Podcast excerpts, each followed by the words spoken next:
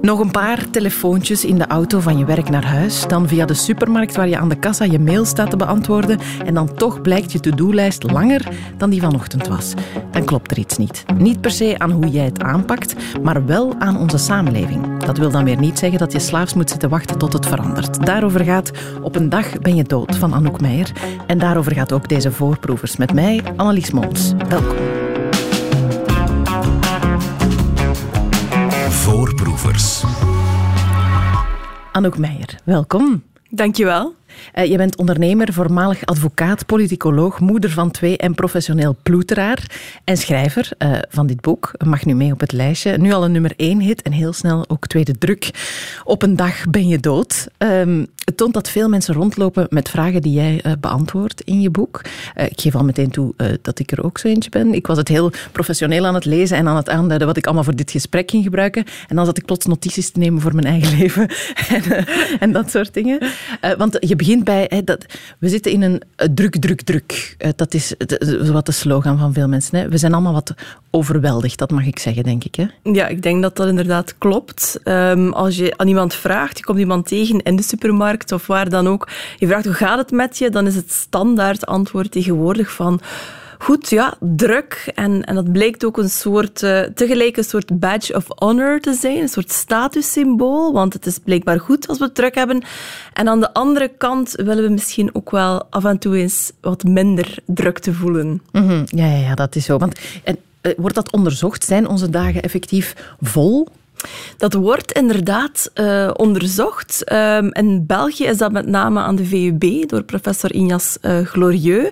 En um, ja, die uh, laten mensen tijdsdagboeken, heet dat dan, bijhouden, waarin ze dus noteren, registreren waar elke minuut van elke dag naartoe gaat.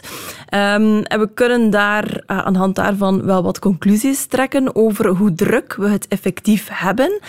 Mensen denken vaak dat we bijvoorbeeld meer werken dan vroeger en dat het daarom is dat we ja, dat gevoel hebben dat we ons zo druk voelen. Maar eigenlijk is dat niet zo. Nee, dus puur in, in werkuren dat is redelijk stabiel. Dat is uh, redelijk stabiel, neemt zelfs een beetje, um, een beetje af. Um, maar het, het, vooral het subjectieve gevoel, dus de, de subjectiviteitsdruk, ja, daar zien we wel, als we dat dan bevragen bij mensen, um, dat ze aangeven van ja, ik, ik, heb het gevoel dat het, dat het allemaal veel drukker is en veel meer is dan, uh, dan vroeger. en er zijn een aantal factoren die daar natuurlijk toe, toe bijdragen. Technologische dingen, het feit dat dat we, eh, als we s'avonds in de zetel zitten uh, en ons zogezegd ontspannen, toch nog mails zien binnenkomen van het, van het werk. En omgekeerd, dat we soms ons, ons werk onderbreken omdat we in een wachtrij moeten staan voor een of ander vakantiekampje. Dat doet die gebieden van werk en leven meer in elkaar overlopen en geeft ons dus ook meer het idee van het blijft hier maar komen, het houdt nooit op. Ja, ja. Dat is een belangrijke factor. En dan de andere, en die, die geldt ook zeker voor, uh, voor vrouwen met name, um, dat is uh, wat sociologen die role overload noemen. Het feit dat we naast onze, onze betaalde arbeid um, nog zoveel andere rollen te vervullen hebben. Die van moeder, die van partner, van vriendin, mantelzorger, noem maar op. En die combinatie van al die rollen, die allemaal samenkomen op hetzelfde moment, dat voelt voor heel veel mensen heel erg druk aan. Ja, ja dat klassieke beeld van te veel ballen om in de lucht te houden. Uh, je zegt het zelf al, uh, met name voor vrouwen. Jouw, stuk gaat ook voor, jouw boek gaat ook voor een stuk vooral over vrouwen. Uh, waarom is dat zo anders voor hen dan voor mannen? Dat heeft er alles mee te maken dat we in onze maatschappij anno 2024 nog steeds uh, heel andere verwachtingen hebben van um, wat een, een, vrouw hoort te doen, wie ze hoort te zijn, hoe ze um, de rol van moeder invult bijvoorbeeld. Um, dus die gender stereotypes, die patronen, die zitten uh, best wel nog diep uh, ingebakken in onze, in onze maatschappij. ook in die mate dat, dat er bepaalde zaken beleidsmatig en, en eh, buiten dan de, de, de stereotypes, um, ja, best wel nog in het nadeel van, van vrouwen uh, werken. De loonkloof bijvoorbeeld, het feit dat uh, mannen niet evenveel uh, rechten hebben om met hun kinderen thuis te zijn als vrouwen, of daarop aangekeken worden als ze dat dan toch nog doen. Um, dat speelt allemaal in het nadeel van, van heel wat vrouwen, helaas. Ja, en dat zie je ook in cijfers. Eentje waar ik van achterover viel was dat 9 op de 10 alleenstaande ouders vrouwen zijn dat, dat zegt wel veel van wat dan de primaire rol van een vrouw, of toch de, een hele belangrijke is. Ja, absoluut. Uh, er zijn zo heel veel cijfers waar je van achterover kan slaan. Uh, eh, 38% van de vrouwen, van de Vlaamse vrouwen, die voelen zich chronisch opgejaagd. Uh, eh, 48% van de Vlaamse moeders, dat is quasi 1 op 2. Um, dat is niet echt de bedoeling, denk ik. Nee, en is het ook iets, want als we het dan over moeders en vooral jonge moeders en ouders hebben, dan is het vaak van het is een fase. Dit, hè, dat, dat zeggen we ook tegen onszelf. Hè, van als die kinderen wat groter zijn, of als ik die promotie, of als dat huis af is, of, dan, gaat, dan gaat het rustiger worden. Ja, ik, ik noem dat de, de mythe van de tropenjaren. Hè, en dat is misschien ook een soort troostende gedachte om het allemaal te kunnen volhouden. Als we denken van er komt hier wel op een gegeven moment een einde aan. Maar voor mij zijn de, de schellen echt van mijn ogen gevallen als ik merkte, ik, maak deel uit van een, eh, vereniging voor vrouwen waar vrouwen van alle leeftijden uh, deel van uitmaken. En ik, ik ben pas echt beginnen zien van dit is geen fase als ik ook zag dat uh, vriendinnen van 50, 55, 60 en ouder dat die ook nog heel erg zich gevrongen voelden tussen al die, die rollen. Die werden dan opeens grootmoeder. Hey, hadden gezegd aan een dochter van wij zullen een deel hey, opvang uh, voorzien. En aan de andere kant zien we dan um, dat een van hun ouders ziek wordt. En dan worden ze opeens mantelzorger. Ze zitten ook nog met een eigen werk, want ze zijn nog steeds uh, professioneel actief. En dat gaf mij wel eventjes zo dat beeld van damn, vrouwen zijn eigenlijk wel uh, forever blijkbaar gedoemd om het druk, druk, druk uh, te hebben. -hmm. En nog uh, meer dan mannen. Nu, veel um, dan kijk ik bijvoorbeeld naar mijn eigen sociale media. Ik krijg dan allemaal reclame uh, van deze artificiële intelligentie-app. Die gaat jouw planning, die krijg ik nu echt de hele dag. Die gaat jouw planning maken en dan ga je twee uur winnen uh, per dag. Ik word overstelpt door apps en boeken. En uh, dat was voor jou niet anders, hè? want je hebt ook elk boek dat er over time management te lezen valt, heb jij ook wel gelezen. Ja, absoluut. Bij mij is het momenteel wall pilates ah, dat mijn leven gaat redden. maar ik blijf negeren. Maar dat klopt. Ik, ik ben mijn interesse in alles wat time management en productiviteit is, is uiteindelijk stamt ja, uit een eigen uh, nood of behoefte aan um, een soort controle terugkrijgen over mijn leven en over mijn tijd. En dus ik ben als een gek al die boeken gaan lezen over time management, al die podcasts gaan beluisteren, uh, cursussen gevolgd, uh, noem maar op. Maar wat mij daarbij heel vaak heel erg frustreerde, um, was ten eerste, die zijn vaak um, gecreëerd door mannen. Um, en je voelde ook heel vaak dat daar dan geen rekening werd gehouden met het feit um, dat er om, om half vier aan de schoolpoort moest gestaan worden of, of, of wat dan ook. Dat is één iets. En ten tweede, die zijn vaak heel erg gericht op um, hoe krijg je nog meer in je dag gepropt? Hmm. Hoe, krijg je, hoe zorg je ervoor dat je die, die eindeloze to-do-list waar je het over had, dat je daar zoveel mogelijk van kunt afvinken? en het probleem daarmee, dat is wat dat de Oliver Berkman, die heeft ook heel goed geschreven over productiviteit. Hij noemt dat de, de, de productivity trap. En wat bedoelt hij daarmee? Ja, hoe efficiënter je wordt, hoe meer er terug, uh, in, ja, hoe meer er op je bord terechtkomt. Hoe meer mails je beantwoordt, hoe meer er terugkomen. Hoe sneller je je vaatwas ledigt, hoe sneller dat je meer mag volstoppen. Het is echt een Sisyphus-arbeid. Um, en zeker met heel veel van die uh, terugkerende taakjes in je huishouden of in administratie of waar dan ook. Um, en het houdt niet op. Dus die trucjes, die werken wel maar ze maken ons niet veel um, gelukkiger of geven ons geen voldaner uh, gevoel op het einde van de dag. En, en daar moeten we ook echt wel durven naar kijken. Ja, ja, ja. Het is niet zo frustrerend als ochtends je mails doen en dan een paar uur later zitten er dubbel zoveel in, want iedereen zit te antwoorden en het, het, het vult zich gewoon terug op. Dus het moet anders. Dat maakt ook... Dit boek bestond nog niet, daarom heb jij het geschreven. Wat maakt dit boek voor jou dan heel anders? Ten eerste die, die nadruk op, um, op het feit dat we um, ja, als individu onszelf wel kunnen, tussen aanhalingstekens, um, wat meer gedisciplineerd of efficiënter of wat dan ook maken, maar dat we daarmee eigenlijk fundamenteel niet uh, de hele kern van de zaak opgelost hebben. Uh, ook een, een, uh, een paar bruisballen in uw bad gaan uw leven niet beter maken als je structureel verzuipt. Dat is één iets. ik denk dat we moeten heel eerlijk zeggen aan mensen van kijk, ja, je kunt als individu wel van alles doen om meer grip te krijgen op je tijd. Um, en je kunt wel gaan vegen voor je eigen deur. Maar er zit ook heel wat structureel scheef. En dat heb ik um, in geen enkel van die andere boeken over, over zelfzorg en, en time management uh, gezien. Um, dus ik heb het in mijn boek over uh, hustle culture, hoe wij kijken naar productiviteit. Ik heb het over het patriarchaat en, en wat we eigenlijk opleggen en verwachten van vrouwen. En ik heb het over die attention economy, de aandachtseconomie, die, uh, waardoor dat we constant het gevoel hebben dat we langs alle kanten, um, ja, dat er langs alle kanten aan onze mouw getrokken wordt. Mm -hmm uh, allerhande. En, en dat is wel een groot verschil, denk ik, met andere, andere boeken in dit segment. Ja, ik heb een, een woordenlijst gemaakt die we even moeten overlopen, want je hebt nu al een heleboel, uh, ook veel Engelse woorden gezegd. Ja, klopt. Uh, veel mensen die het in Keulen en verder misschien wel in Bangkok horen, horen donderen, als ze dat jou horen zeggen. Um, Laat ons bij dat patriarchaat beginnen. Uh, dat schrijf je ook in je boek van. Ik vertel dan tegen mensen, ik schrijf een boek over time management. En dan zeg je, en het gaat over het patriarchaat. En mensen zeiden, huh? Wat? Ja, dat is altijd, dan, dan zie ik ze zo altijd even afhaken of zo. Um, nee, het patriarchaat, uh, waar gaat dat over? Ik, ik heb in mijn boek over het uh, psychologisch patriarchaat. Dat gaat dan over de, um, die, die, die gender stereotypes. Hey, hoe we denken dat we ons horen te gedragen als mannen, als vrouwen. Um, um, er zijn ook gender stereotypes voor mannen, uiteraard.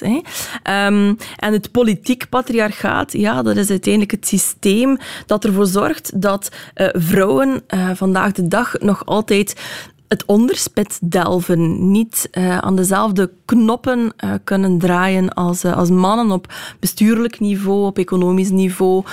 Um, gaat van ja, een ondervertegenwoordiging in de politiek, raden van bestuur, in bedrijven en, en noem maar op. Mm -hmm. um, en dat speelt absoluut een heel belangrijke rol in onze, in onze tijdsbesteding. Ja. Als de vrouw nog altijd aanzien wordt als het eerste aanspreekpunt um, voor kinderen opvang en al de dingen die daarbij uh, horen, ja, dan neemt dat uh, uh, seconden, minuten, uren, dagen, maanden, jaren van een mensenleven weg, waarin ze zich niet kan bezighouden met creëren van kunst, met het bedrijven van wetenschap, met het uh, uitvaardigen van uh, koninklijke besluiten of weet ik veel. Ja. Um, en, en, en vandaar dat die eigenlijk voor eens je het gezien hebt, dan, dan um, dan, dan zie je het overal, denk ik. Ja. Um, Hetzelfde geldt voor de mental load, wat daar een gevolg voor is. He, als inderdaad de kinderopvang of de school altijd uh, jou als vrouw aanspreekt en niet, niet je partner, uh, dan ben jij degene die denkt, ah ja, maandag moeten die pampers nog mee naar de crash. En dan die duizenden tabbladen, dat is mental load, hè? Dat is een mental load. Um, eigenlijk um, een gezin en, en wat er nodig is om, om dat gezin te doen draaien. Ja, ik vergelijk dat een beetje met een, met een bedrijf. Dat is een soort economische entiteit. Er gaat input in, er komt output uit. Uh, maar er is iemand nodig die daar het overzicht bewaart. Anders lopen er dingen onvermijdelijk uh, in de soep en gaan er kinderen met de kleine voetbalschoenen het plein opgestuurd worden. Of, of wordt er een tandartsbezoek uh, vergeten. Of, of is er geen pasta meer in huis. Of wat dan ook. Um, en, en dat overzicht bewaren, ja, dat vraagt nu eenmaal uh, uh, plaats, ruimte in je, in je hoofd. Dat neemt breincapaciteit uh, op. En dat, dat weegt behoorlijk zwaar. En, en die zit dus nog vooral, die mental load, um, bij vrouwen. Hm. En de mannen die, die helpen veel. Dus ik, ik ben zelf gezegend met een man die heel veel doet, maar dat dit soms nog moet vragen van kan jij dit of dat, dat is waarom het verschil zit. Hè? Ja, inderdaad. Um, er zijn best wel, uh, best wel wat mannen die uh, huishoudelijke taken opnemen, gelukkig maar. Um, maar, maar ja, als je inderdaad dan nog moet uh, het zelf allemaal bedenken en ook opvolgen, dan is er toch weer, ja, dat, is niet het, het, het hele pakketje dat je dan kunt uitbesteden. En ook, ja, dan blijft die verantwoordelijkheid toch nog bij jou, ehm, bij jou liggen. Ehm, en dat vraagt heel veel energie. En als je dat dan moet combineren met al die andere verantwoordelijkheden die je hebt, ja, dan is het niet gek dat zoveel vrouwen zich chronisch opgejaagd en overweldigd voelen. Ja. Zeker als er dan ook nog iets is als de good girl uh, in heel veel vrouwen. Uh, heel veel vrouwen ja, die uh, gaan herkennen wat jij nu gaat vertellen. Dat is een archetype van een vrouw. Wat zijn haar kenmerken? De good girl, dat is eigenlijk ja, het, het flinke meisje in, in proper Vlaams. Um, het is ook een beetje dat we geconditioneerd, opgevoed zijn. Um, een, een good girl is iemand die um, voornaam is, beleefd is, een people pleaser, people pleaser inherent. want ze wil zich altijd inzetten ten dienste van anderen, ten dienste van een of ander uh, hoger goed of doel. wil vooral mensen niet teleurstellen, wil niet tegenvallen en zet uh, anderen hun, hun vragen en, en noden heel vaak op de eerste plaats, in plaats van uh, haar eigen uh, noden. Um, en daardoor komt ze heel weinig toe aan, aan wat ze zelf eigenlijk wil of wat ze zelf nodig heeft. En het, is zelfs, het gaat zelfs zo ver dat heel veel van dat soort type vrouwen niet eens meer weten wat ze zelf willen. Mm. En dan hebben ze een, een half uur vrij of een uur vrij, onverhoopt. En dan, dan nemen ze van pure miserie de stofzuiger, omdat ze niet meer weten van wat geeft er mij eigenlijk echt um, plezier. Ja, ja, ja. Uh, nog één uh, Engels woord dat we wel kennen, maar waar jij redelijk tegen bent. Uh, multitasking. Ja, klopt. Want dat is vaak in die boeken, die zeggen, eigenlijk zeggen die boeken allemaal hetzelfde. Je moet harder werken en je moet, je moet er gewoon voor gaan en dan komt dat wel allemaal goed. Bijt eens op je tanden en, en kweek eens wat discipline. Dat is inderdaad meestal de boodschap. Um, alleen, er is eigenlijk niet zoiets als multitasken. Het menselijk brein is niet gemaakt om te multitasken. Dus we kunnen eigenlijk altijd maar onze aandacht bij één taak tegelijk houden. En proberen we dat toch te splitsen, ja, dan, dan is er uh, onvermijdelijk kwaliteitsverlies of, of ruis uh, op, uh, op het kanaal. Um, dus, dus het heeft geen zin om dat, te, om dat te proberen, om al die dingen met elkaar tegelijk te proberen te, te rijmen. Um, want de kwaliteit van, van, van je werk en waar je mee bezig bent, gaat erop achteruit. Je maakt fouten en vaak um, verlies je net tijd omdat je het dan achteraf toch nog allemaal moet, uh, moet gaan rechttrekken. Um, je schrijft ergens in je boek, het is geen zelfhulpboek, maar er zitten wel allemaal dingen in die je zelf kan doen of waar je zelf mee aan de slag kan. Minder multitasken, dat leer ik al. Um, maar er zijn zo nog wel grote dingen. Wat ik van jou al geleerd heb, is we hebben de neiging om eerst al die kleine taakjes die moeten gebeuren te gaan doen en dan pas dan ga ik mijn, mijn groot werk uh, doen. Dat is omgekeerd voor jou. Ja, absoluut. Um, je moet jezelf daar ook wel een, een, beetje in, uh, in, kennen, maar heel veel mensen um, zijn, uh, zijn ochtendmensen, hebben het meeste um, breincapaciteit of, of kunnen, zitten het beste in een creatieve flow in de ochtend. En als je dan eigenlijk al die, al die brandstof, die creatieve brandstof gaat opgebruiken voor mailtjes of voor facturen of weet ik veel wat, ja, dan, dan zet je jezelf eigenlijk al een beetje, een, een beetje klem. Um, het gaat ook echt over prioriteiten uh, leren zien en die dingen eerst vastpakken die het allerbelangrijkst zijn. Um, want anders riskeer je dat je de hele dag druk bent bezig geweest en heel vaak heel reactief bent bezig geweest, ingegaan op vragen van collega's of van uh, vriendinnen of, of wat dan ook. En dat je op het einde van de dag denkt van amai, dat was een mega drukke dag en ik ben eigenlijk nog altijd niet begonnen zelfs aan hetgene wat ik echt zelf wou doen. Dus geef daar uh, prioriteit aan. Dat is uh, superbelangrijk. Ja. ja. en stel de dingen in vraag. Dat is ook een grote boodschap in jouw boek. Wees kritisch met wat je aan het doen bent. En je hebt zo'n paar belangrijke vragen die je moet stellen. Bijvoorbeeld, uh, says who? Wie zegt dat? Uh, dat is een hele belangrijke voor jou ook. Hè? Dat is een hele belangrijke. Um, ik zeg dat zodanig vaak dat mensen mij wel eens suggereren dat ik die moet laten tatoeëren of zo. Daar Ga je gewoon laten zien. Ja, inderdaad. Um, maar dat klopt en, en dat heeft te maken met, um, met die systemen ook. Hè als je jezelf wijs maakt van, goh ja, ik, ik, ik ben maar een goede ondernemer als ik 24-7 eh, bereikbaar ben, als iedereen mij 24 uur op 24 kan bereiken en ook op zondag en als ik meteen reageer als een klant mij een, mailtje stuurt, als, als dat het idee is um, dat in jouw hoofd uh, zit, ja oké, dan wordt het moeilijk om iets aan je tijd te doen op basis van allerlei trucjes en, en hekjes. Stel dat in vraag. Wie zegt er dat, dat noodzakelijk is om een goede ondernemer te zijn, dat je constant uh, bereikbaar bent? Kan het ook anders? Zijn er misschien anderen die het anders doen, waar ik iets van kan opsteken? Um, en zo die reflex, um, ook in uw, in uw privéleven, eh, klopt dat wel dat ik hier als, als moeder uh, per se altijd moet opdraven? Is er iemand anders die misschien ook eens naar het oudercontact zou kunnen gaan of, of wat dan ook? Durf het in vraag stellen. Um, van waar komt het idee en kan het ook anders? Ja. Een, een, beetje een variant erop is ook de moet ik dit nu doen? Dat is zo'n zin en dan moet je elk woord een keer beklemtonen. De Juist. moet en dan de ik het. Het, het is een goede reflexen om je aan te kweken zijn het eigenlijk. Hè? Ja, absoluut. Uh, even stilstaan bij wat je denkt dat gegeven is of, of dat de moetjes zijn en, uh, en, en denken van ja oké... Okay, um, um, is dit echt mijn verantwoordelijkheid? Kan ik dit misschien ook uh, aan iemand anders vragen? En, en wat dat een hele leuke daarbij ook is, uh, volgens mij, is uh, die vraag van, ja, is dit echt überhaupt een probleem? Hè? Moet ik hier iets mee doen? Moet, moet iemand het zelf ja, doen? Ja, moet iemand het zelf doen. ik weet nog dat ik vroeger um, altijd al mijn e-mails beantwoordde. -huh. Tot iemand mij op een gegeven moment zei van, ja, maar ja, eigenlijk moet dat wel? Is dat wel nodig? En natuurlijk als inherente uh, people pleaser ging mijn haar in mijn nek even recht staan. Maar als je er even over door, op doordenkt, ja, een e-mail inbox, dat is iets waar iedereen van de hele wereld zomaar uh, aan jouw tijd kan komen uh, knabbelen. Wil je dat toelaten? Of zet je daar ook een... Um, ja, bak je daar ook een grens af, mm -hmm. bij wijze van spreken.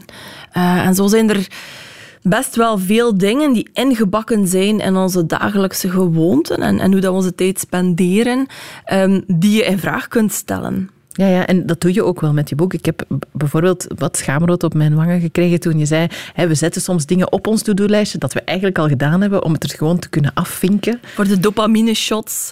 Ja, dat is wat er gebeurt. Hè. Dat je dan gewoon, ja, je, dat doet ook wel iets met je om gewoon te kunnen zo goed doorstrepen. Tuurlijk, maar waarom doet het ook iets met ons? Om, omdat we het ook zo aangeleerd zijn. Hè? Omdat we baden in die cultuur van getting things done en vink het maar af en nog een to-do gedaan en altijd maar meer en sneller en beter en optimaliseren en, en fix jezelf en natuurlijk dat we dan um, die, die dopamine-hits zelf gaan, gaan opzoeken, want dat is blijkbaar hoe dat je succesvol wordt uh, in onze wereld van vandaag. Ja, naast al die reclame op Instagram krijg ik ook heel veel een meme te zien momenteel, een, een, eh, een prentje.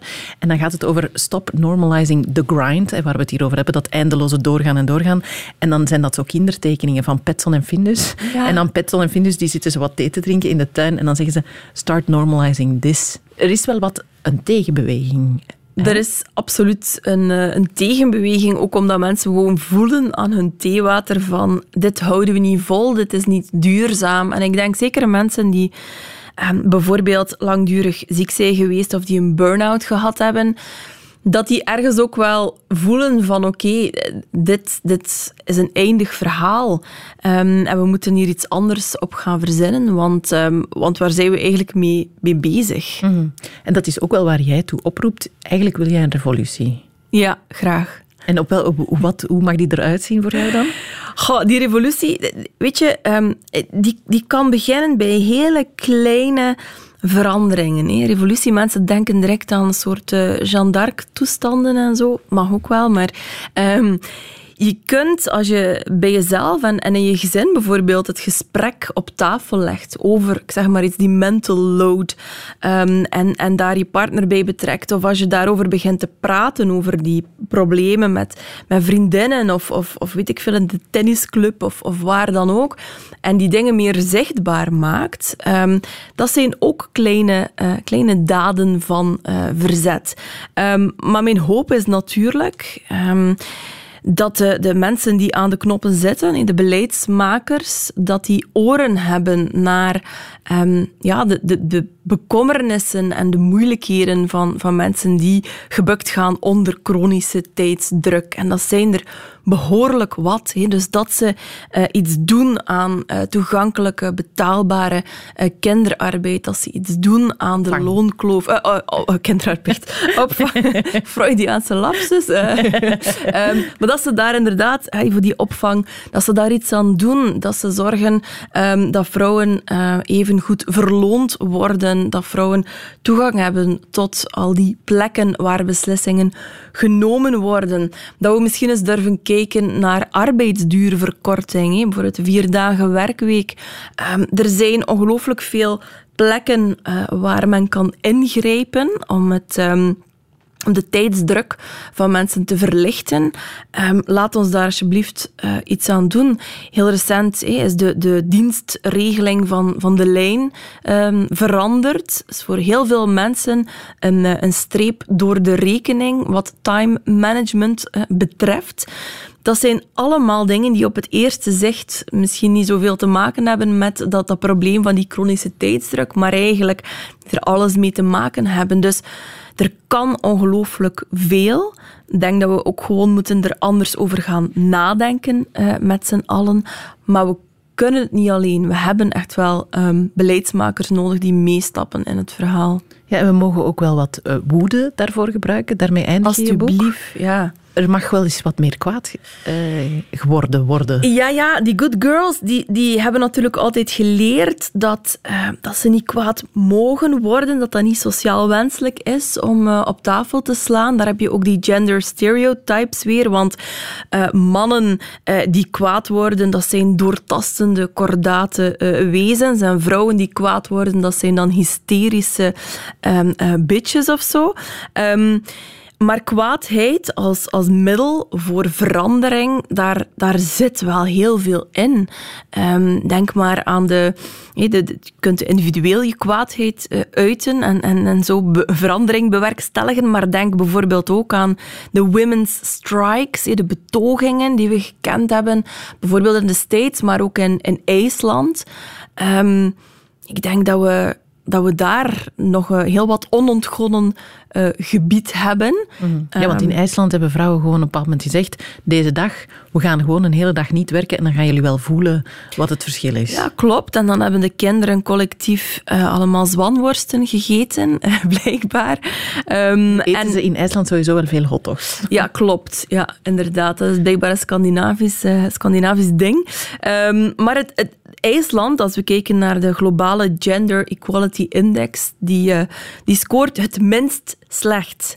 Dus het heeft wel iets uitgehaald. Uh, ze hebben uh, zo'n uh, strike, zo'n betoging gehad in de jaren 70 en ze hebben die recent herhaald. Het was nog eens nodig om de puntjes op de i te zetten, maar het levert wel op. Het is wel een statement als daar een groot deel van de bevolking het werk gewoon neerlegt, ook het onbetaalde zorgwerk, want dat is ook werk, um, ja, dan, dan voelen we dat allemaal. Het is door al dat werk dat vrouwen verrichten, de was en de plas en alles wat er nodig is om mensen in leven te houden, eigenlijk, letterlijk, feitelijk, letterlijk, um, dat, dat, dat andere mensen um, beleid kunnen maken en aan wetenschap kunnen doen en kunst kunnen creëren. Um, en als je daar opeens de stekker uittrekt, ja, dan valt alles stil. Mm veel om over na te denken, veel om aan te pakken zelf en als samenleving. Uh, ik geef nog één uh, tip mee uh, die je geeft. Dat is vier je successen. Dat wil ik jou ook wensen, dat jij dit boek mag vieren de komende tijd. Anouk Meijer, dankjewel voor deze voorproevers. Meer voorproevers vind je op VRT Max, maar pas op voor multitasking. Ik ben nu bang dat wij als podcasters allemaal dan mensen gaan storen tijdens de afwas. Ehm, als je een keer live wil bij zijn op voorproevers, dan kan dat op, ehm, op VAR op 9 maart in Oostende. Die dag ben jij daar, denk ik ook. Ik ben daar ook, inderdaad. Ja. We zien elkaar dan. Meer info op radio1.be.